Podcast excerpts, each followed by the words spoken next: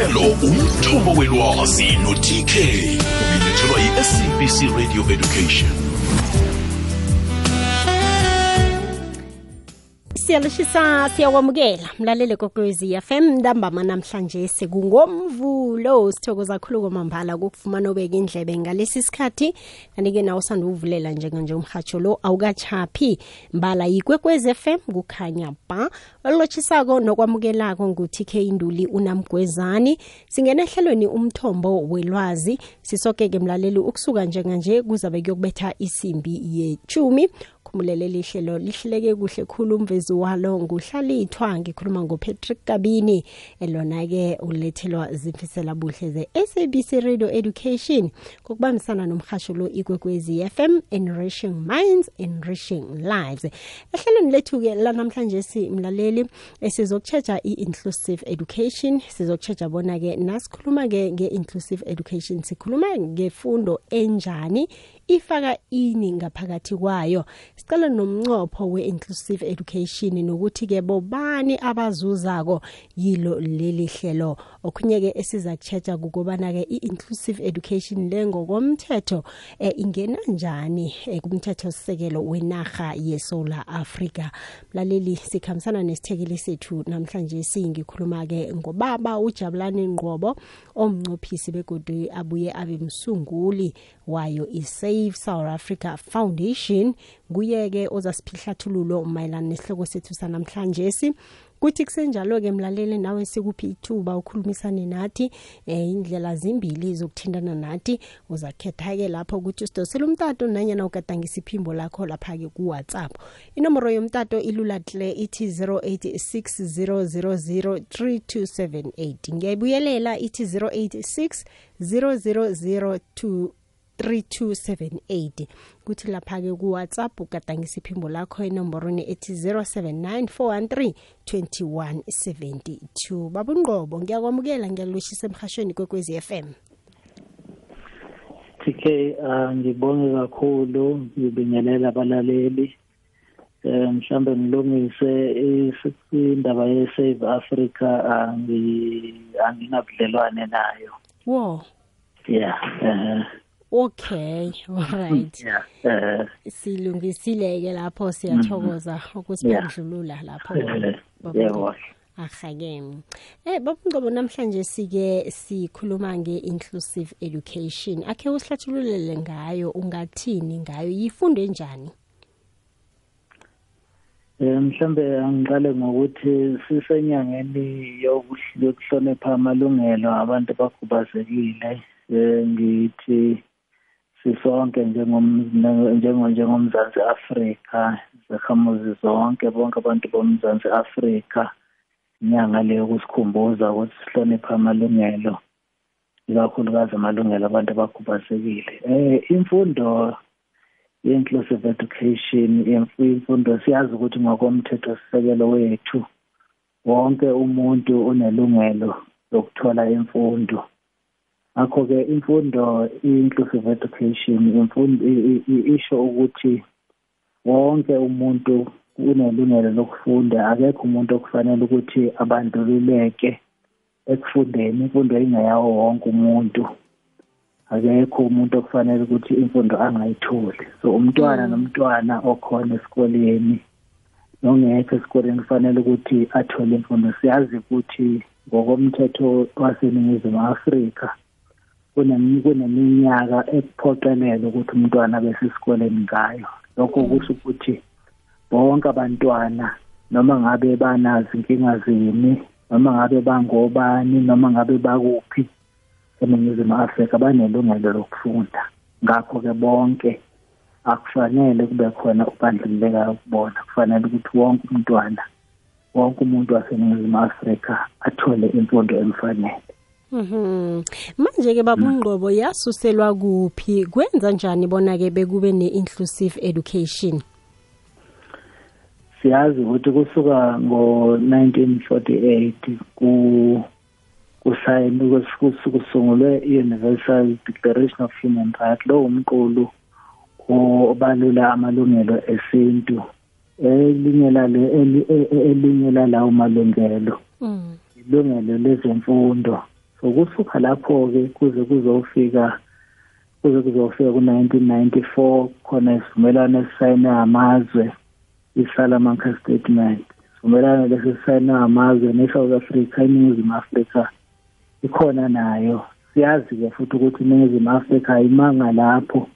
Phinde yaqhubeka kwathi ngo-2001 yakha iphephamgomo ipolicy ekuyiyona eyayikade isho ukuthi iningizimu afrika izokwenza kanjani ukuthi kube ne-inclusive education ukuthi imfundo ibe ngeyawo wonke umuntu kungabi nje kuphela yabantu abathize. Kepha-ke futhi siyazi ukuthi nango-1996 ngesikhathi kwenziwa umthetho-sisekelo wezwe umthetho-sisekelo wezwe ube usugaranta ube usu subeka ngokusobala ukuthi imfundo yawo wonke umuntu. So mangabe kwenziwa lo lephepha mgomo-ke leli phepha mgomo liqhubezela into esiyitshelwa yi-constitution ukuthi imfundo yawo wonke umuntu. Kepha-ke eningizimu afrika agcinayo i-constitution kwabe sekuba nephepha-ke ngo-two thousand and one okuyilona phepha mgomo elenza ukuthi imfundo ibe eyawo wonke umuntu ukuthi wonke umuntu kufanele ukuthi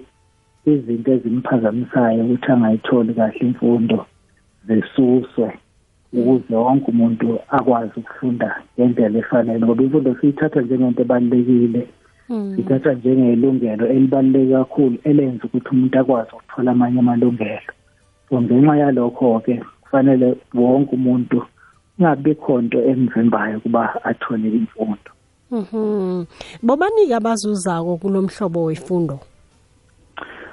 Kuzuza bonke abantwana ikakhulukazi labo bantwana labo abanezinkinga. Mhlambe ke enye yalezo zinkinga ebesivamise ukwazi ngayo kakhulu bekuyinkinga yokukhubazeka. Mm. so uma ngabe umntwana ekhubazekile lokho akumemuki ilungelo lakhe. So abanye babantwana abazuza yilabo. Abantwana abanezinkinga ezahlukahlukene ngaba mhlawumbe abantwana mhlambe aba aba abangakutholi ukunakekeleka kahle. Kungaba abantwana mhlawumbe abavela ezindaweni noma emndenini ehluphekayo. Kungaba mhlambe abantwana mhlambe abahlukumezeke ngazindlela zithize ngaba ngamanye amazwi bonke abantwana abanelungelo bonke abantwana banelungelo lokufunda. So abazuzayo ibona bonke abantwana. Kodwa-ke futhi kubalulekile mhlawumbe ukuthi ngikusho ukuthi uma ngabe kuzuza abantwana laba abasuke benezinkinga nalabantwana laba abasuke bebukeka bengenazo inkinga bayazuza. Ake sithathe nje mhlawumbe abanye abantwana abahlakaniphile ey'koleni abantwana abahlakaniphile ey'koleni bona abantwana bavamise ukuba nezinkinga ngoba bavamise ukuthi banganakeki ngokwanele. So nalabo bantwana bayazuza uma ngabe sikhuluma nge-inclusive education. Mm. Amanye amazwi kuzuza bonke abantwana abanezinkinga ezenza ukuthi kungafundeki kahle. Kodwa-ke nalabantwana labo okusuke kubukeka ngathi bafunda kahle bazuza uma uma uma uma uma imfundo ivuleleka yenze ukuthi kuzuze nalaba abanga abanezinkinga. Ngamanye amazwi iqhubezela phambili ukuthi abantwana bonke bakwazi ukuzuza so ma kuzuza labantwana laba abanezinkinga kuzuza nabo bonke abantwana basuke belapho nalabo bantwana. Mhm. Baba Ngqobo ngizobaba ngizoba siyokusela amanzi. Nangibuya la ke ngilombuzo uthi inclusive education le itholakala kiziphi inkolo ngabe iyatholakala kuma public school nanyana kunenkolo ezikhethekileko la itholakala khona kodwa nasubambe lapho lombuzo sizakuthi ngemva bana sithengisile bese siragela phambili nawo. Rawubona kumnyama khulu kuzokuvela umkhanyo. Ikwekwezi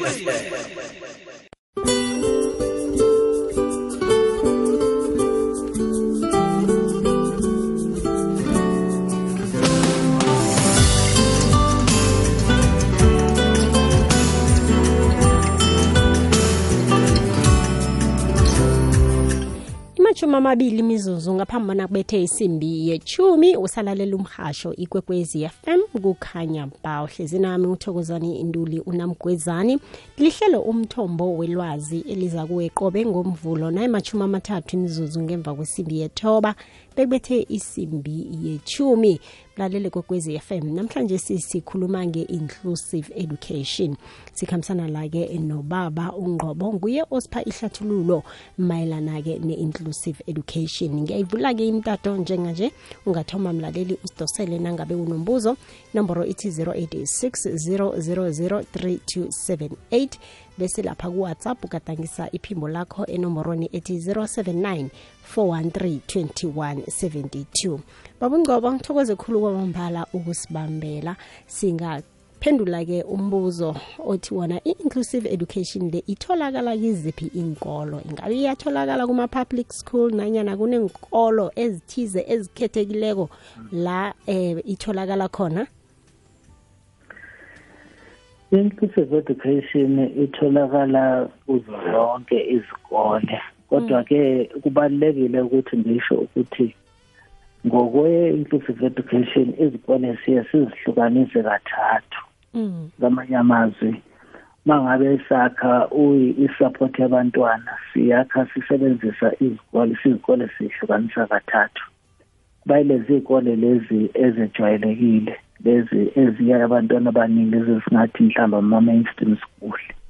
Kulezo kole um, abantwana abantwana abaningi abafunda khona abantwana abangenazo inkinga ezidinga ezidinga usizo olungaphezulu kakhulu. Laba lezi kole lezi ezifunda ezifunda abantwana nje abangakwazi ukuthi abangadingi usizo olukhulu abangadingi support enkulu kakhulu kodwa abangakwazi ukufunda ngaphansi kwesimo se support ekhona cishe kuzo zonke izikole bese kuba nezikole okuthiwa ama full service schools. Ezweni ke sinezikole ezi-832 ezingama full service schools. Lezo kole ke ilezi ikole lezi ezithatha abantwana abangakwazi ukuzuza kahle mabefunde ezikoleni ezingama-mainstream schools ngamanye amazwi abadinga usizo abadinga abadinga ukulekelelwa okuthe xaxa Mm, mm. and bese kuba nezikole-ke ezaziwa ngama-special school lezi zikole lezi zaziwa ngokuthi zithatha abantwana abakhubazekile. Kepha-ke ngokwalo mthetho lo izikole ama-special schools zithatha abantwana abakhubazeke kakhulu abadinga ukunakekelwa ngasikhathi sonke mhlawumbe abadinga ukuthi kube khona amanesi kube khona ama-therapist ngaso sonke isikhathi labekhona so ngamanye amazwi isikole esiyi-special school ngokomthetho asisona isikole esingasithatha sifake umntwana okwaziyo okwaziyo ukuzinayo ongadingi ongadingi usizo kakhulu. Ngamanye amazwi labantwana abasuke bekuma-special school abantwana abadinga ukunakekelwa ngaso sonke isikhathi abadinga ukuthi kube khona abezosizo eduze kwabo ngaso sonke isikhathi. So ngamanye amazwi uzobona ukuthi izikole siyihlukanisa kathathu isikole lesi special school la lesi sabantwana abadinga usizo kakhulu. Bese kuba yilesi esimaphakathi esingathi i-food service school umntwana lo ongeke akwazi ukuba sesikoleni esijwayelekile ongeke futhi akwazi ukuba sesikoleni esiyi-special school. Kodwa umntwana lo odinga usizo olusingathi usizo olukwesekwa okuphakathi nendawo. Bese kubese kuba ama-mainstream school-ke. Lama-mainstream school afundisa afunda abantwana abaningi abangadingi usizo olukhulu kakhulu okungadingi babe kuma-food service schools noma babe kuma-special school Mhm. Yazi babungcobo vane ngizibuze ngabotishera abafundisa i-sign language. Kunalapho abafundiswa khona. Ngabe eSouth Africa phake sinaso isikolo esifundisa laba abazokufundisa nge-sign language. Yebo i-Wits University enye yezikhungo ezizemfundo ephakeme okuyiyona esebenza kakhulu efundisa kakhulu. Awuthi othi othi othisha aba aba aba abazofundisa i-sign language. Banendawo ke lapha eVets bane-send bane-institute eVets okuyiyona eh ngathi iyona university okuyiyona esiyibeke ukuthi umuntu ofisa ukufundela i-sign language angaya khona ngoba bona banezinto bane bane bane banomlando. Futhi banesizi banesizinda sokufundisa abantu i-sign language. So wonke umuntu ofisa ukufunda i-sign language uvamise kakhulu ukuthi aye e-Wits University ngoba iyona eyaziwayo ezweni ngokufundisa ngokufundisa i-sign language. Manje i- i-curriculum ihlelwa njani bona ikhone ukulungela abafundi nabafundisi abafundisa nge-sign language? Eh i-curriculum ikhona vele yelokhuzana ye-sign language njengamanje ikhona. Mm. so iqale ngo-2016 i- yenziwa i-curriculum enizokhumbula ukuthi emva kwaloko kwase kumenyezelwa ukuthi ulimi i-sign language selu- selu- selungo- selungelinye lezilimi ezisemthethweni ngokomthethosisekelo. Ngakho-ke ikhona i-curriculum noma ubheka kwilokhuzane kwi-website yethu. Uyakwazi ukuzithola izinsiza eziphathelene ne-sign language noma yamazwi kunephepha mgomo kune-curriculum policy statement Mm. ye-sign language so i-sign language ivele ikhona njengento e- e-recognized eningizimu afrika and nezikole ezi- ezisebenzisa yona ikakhulukazi izikole zabantwana abangezwa abadefe Mm. mm. Ngiyakuzwa-ke babungqobo kunemihlobo-ke ehlukeneko yabafundi. Abanye-ke ngilabo abafuna khulu-ke mhlambe-ke ifundo nanyana-ke ikhono lokusebenza ngezandla. Ingabe nabo-ke nisabafaka ngaphakathi kwayo i-inclusive education? Yebo bangena ngaphakathi kwayo inclusive education. Kodwa-ke e- eningizimu afrika kunezinye kunezikole esiza- esi- esi- esi- esi- esizazi njengezikole okuthiwa ama-schools of skill. Izizikole ezicishe zibe u-hundred and twenty ezweni. Kuno kunohlelo lokufunda okuthiwa i-occupational stream. Amayamazi imfundo le ebhekelele amakhono ikakhulukazi. Isesikoleni ke njengamanje sithesta ezikoleni eziwu-74 kulezi izikole eziwu-120 engikhuluma ngazo ibhekelene nje namakhono kakhulukazi abantwana aba- aba- aba- abaphiwe kakhulu ezintweni ezingamakhono ngaba kungaba o- o-plumbing kungaba o-mechanical o-mechanics kungaba ukuthunga kungaba ukulungisa izinwele nokwenza abantu babe bahle kungaba ukuthunga izingubo. So lezo zikole lezo njengamanje izikole eziwu-hundred and twenty kodwa esi- ekwe- okwenzeka kuzona lokhu njengamanje ziwu-seventy-four so zikhona izikole ezikanjalo nohlelo olukanjalo lokuzama ukuthi labantwana laba bona abangekho academic.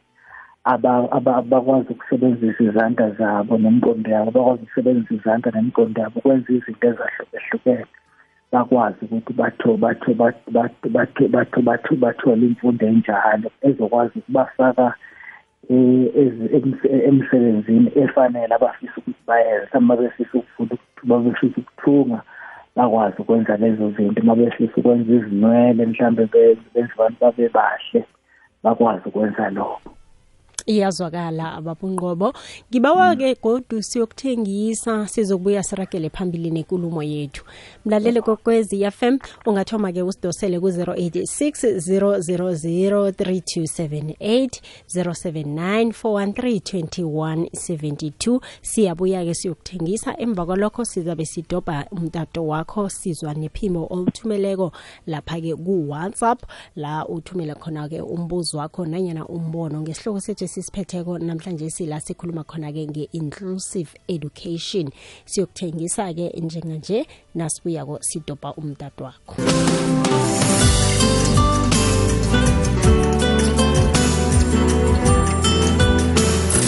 lihlelo umthombo welwazi no-tk ubilethelwa yi-sabc radio education. Usalalela umhasho ikwekwezi fm kukhanya ba sisalelwe mizuzu ebunane kwaphela bona silisonge ihlelo lethu lezefundo umthombo welwazi. Namhlanje simlaleli sikhuluma nge-inclusive education nginesithekeli sami la emtatweni ubaba ungqobo jabulani ngqobo nguye osipha ihlathululo mayelana ne-inclusive education. Bona kuhle kuhle iyini? Siyakumema-ke nawe mlalele kwekwezi fm njenganje wamukelekile usidosela umtato nangabe uno unombuzo nanyana-ke umbono ngendaba-ke esiyiphetheko namhlanje. Sigadangisa iphimbo lakho enomborweni e-whatsapp ethi 079 413 2172 nomboro yethu ye-whatsapp nangabe-ke unombuzo eh, nanyana-ke ufuna nje ukuphosela lakho lobodlane eh, mayelana nendaba le esiyiphetheko. Khubuleke ngesimbi yesumi salisonga ihlelo lethu mlaleli kokwezi FM umindlo love oragela phambili nehlelo sizigedlile bekubethe isimbi yechumi eh yechumi nambili kwakhona. Ukhumbule mlaleli godi nalikuphundileko leli hlelo eh, uyakhona uzitholela lona i-podcast yakho uye ku-ikwekwezi fm co za ukhethele ihlelo olithandako eh, lona umthombo welwazi bese-ke uyalalela ngesikhathi esinye nesinye othanda ukulalela ngaso. Uzweleke konke esikhuluma ngakho kileli hlelo. Bamncobo ngithokoza kakhulu kwamambala ukusibambela. Sesijideleke ukuyisonga indaba yethu lapha-ke ye-inclusive education. Ingabe mhlambe-ke i-education system le babungqobo yekhethwa esola africa e, iyavumelana na? Iyakhona na? E, iyakwenza bona-ke abafundi basizeke ukuya ngendingo zabo. Anyana kuyatlhayela nangabe kuyatlhayela yini ama-challenges akhona lapho? Ngibonga kakhulu. Yebo iyakwenza kuningi kakhulu osekwenzekile. Ubuzokhumbula ukuthi phela ezweni lethu imfundo ebesinayo bekuyimfundo ebinga ebingavumeli wonke umuntu ukuthi akwazi ukufunda. Amanye amazwe imfundo beyiyimfundo vele eyenza ukuthi abantu bangalingani abanye abakwazanga qobo ukufunda. Kepha-ke kuningi kakhulu esekwenzekile uzokhumbula ukuthi kwakuneminyango ehlukahlukene sesineminyango owodwa manje ngaze lonke bese siba neminyango yezemfundo eyisishagalolunye ewu-nine ezweni. So kuningi nabantwana uma ubuka isibalo sabo abantwana bakhona esikoleni sikhule kakhulu. Uma ubuka abantwana abakhubazekile ababengekho esikoleni ngaleso sikhathi. Uma ubuka manje uzobona ukuthi abantwana bangaphezulu kwezinkulungwane ezikhulu abakhubazekile abakhona ezikoleni ezejwayelekile. Bese kuthi abantwana abase asebekhona ezikoleni zabantwana abakhubazekile isibalo sabo siyela ezinkulungwaneni ezikhulu namashumi amane. Bese-ke futhi kuba khona-ke uhlobo lokufunda lalabantwana laba esingathi bane bane-profound intellectual disability. Sisiqale uhlelo lokuthi bakwazi ukuthi nabo bakwazi ukuyithola imfundo yize yize kungakafiki la sifuna ukuthi kufike khona. Kepha sebenayo indlela ngoba sinabantwana njengamanje abazuza kulelo hlelo abangaphezulu kwezinkulungwane ezine. Iningi labo bakulezi indawo zama-special care centers kodwa-ke siyazama ukuthi bangene ezikoleni ukuze ngoba phela ezikoleni ziningi izinto abakwazi ukuzithola uma ngabe besesikoleni. So iy'nkinga-ke eziningi esibhekana nazo ezinye zazo ziyinkinga esasuka nazo obandlululweni zeza la. Njengezinkinga zokuthi othisha babengaqeqeshekile ukuthi bakwazi ukufundisa bonke abantwana babefundisa abantwana abathize. Lokho kuzothatha isikhathi. Thola ukuthi kwesinye isikhathi izikole kwesinye isikhathi zigcwala kakhulu awuthisha bangabe besakwazi ukuthi babheke umntwana nomntwana. Kanti kwesinye isikhathi nokuthi othisha ukuhlukanisa kwezikole ukuthi kube zikhona izikole zabantwana abakhubazekile nezabantwana abangakhubazekile kwenza ukuthi othisha abasezikoleni zabantwana abangakhubazekile basabe ukufundisa abantwana abakhubazekile. Noma ngabe umntwana mhlawumbe ukhubazeke nje mhlambe uku-wheelchair kodwa uyakwazi ukufunda esikoleni sabantwana esejwayelekile othisha basabe babone ukuthi kufanele ukuthi abesesikoleni sabantwana abakhubazekile kwesinye isikhathi kuba nje ungazethembi nokwesaba ukuthi phela umuntu akazange akhule la kukhona khona abantwana abakhubazekile. Kwesinye isikhathi kuba zinkinga zokuthi-ke ngoba uma ngabe kwakukuningi kakhulu kwakufanele kwenzeka okungenzekanga. Imali yethu ayikwazi ukwenza zonke izinto esifisa ukuzenza. Kwesinye isikhathi imali ibancane kunaloku esifisa ukwenza bese kubambezela ijubane lokuthi izinto zilunge kahle. Mm. kwesinye isikhathi kwesinye isikhathi kuba mhlambe abazali ngoku- ngokwe- ngokwe- ngokwe- ngokwe- ngokwesabela ukuthi abantwana babo babe sezikoleni ngoba mhlambe bekhubazekile. Befisa bebona ukuthi bangabanakekela kangcono uma ngabe beseduze kwabo. Uthola ukuthi mhlambe kuba nzima ukuthi um- umzali ahlukane kalula nomntwana wakhe ukuthi aye esikoleni acabanga ukuthi kwesinye isikhathi ngokungazi acabanga ukuthi umuntu umntwana wakhe akafanele ukufunda abese mhlawumbe kwesinye isikhathi emgcine ekhaya. Kepha-ke into esiye siyenze-ke sisebenze-ke nezinhlangano ezahlukehlukene ukuqwashisa abazali ukuthi abazali bazi ukuthi wonke umntwana kufanele ukuthi abe sesikoleni wonke umntwana kufanele ukuthi afunde imfundo yabo e- e- yabo bonke abantwana. Kwesinye isikhathi kuba izinto ezi ezi ezi ezi ezi ezi- ezi- ezifana mhlambe nezincwadi. Senze uhlelo olusesihambe kakhulu ekwenzeni ukuthi izincwadi ezi- ezizona izincwadi ezitholakalayo zikwazi ukuthi zibhekane nabantwana abahlukahlukene. Mhlawumbe zothatha mhlawumbe abantwana abanga- abangaboni. Kuningi kakhulu esesikwenzile lapho ukuthi abantwana basezikoleni ngicabanga ukuthi izikole ezingamashumi amabili nantathu ezweni zabantwana abangaboni. Kuningi kakhulu esekwenzekile ukuthi labo bantwana bakwazi ukufunda njengabanye abantwana. Izincwadi zabo ezikhiqizwayo zikwazi ukuthi bakwazi ukuthi bafunde nge-brain nabo njengabo ba- ba- bakwazi ukufunda njengabo bonke abantwana. So-ke kodwa-ke njengoba sisebenza nge-education system kuyi-system enkulu kakhulu. I- ize si- si- si- sihambe kakhulu kwenza kwenza ukuthi abantwana bonke bakwazi ukufunda. Kepha-ke njengoba kuyi-system enkulu zohlala zikhona njalo iy'nkinga esilosiyilungisa. Mm. nokuthi kwesinye isikhathi kuthatha isikhathi ukuthi abanye abantwana bakwazi ukungena bafunde uthole mhlawumbe kunabantwana abangakayitholi kahle imfundo. Kodwa-ke sekukuningi futhi njengoba ngisho ngithi abanye esesiba- esesibatholile bangaphezulu kwezinkulungwane ezine asibambe lapho-ke babunqobo abazisayo ngamanje. sekwala sona nje-ke isikhathi. Sithokoze khulu kwamambala ngehlathululo yoke osiphe yona nibe nobusuku obuhle. Thike ngiyabonga kakhulu nakubalaleli. Kahle thokoze thina. Mlaleli kokwezi FM kujabulani ngqobo? Besikhuluma naye namhlanje si nge-inclusive education. Ngithemba ukuthi-ke ufundile litho olukhulu ncancabeze nokho imtato ngiyayibona iyangena kodwana-ke isikhathi sethu sibe sincane mlaleli kokwezi FM and njenganje-ke ngibawa ubeke indlebe ukhona umindlo lami nehlelo sizigedlele bekubethe isimbi yechumi nambili. Mina nginguthi ke induli unamgwezane sizokuhlangana kodwa kusasa ehlelweni lezefundo i-commerce and finance. Ngikhambile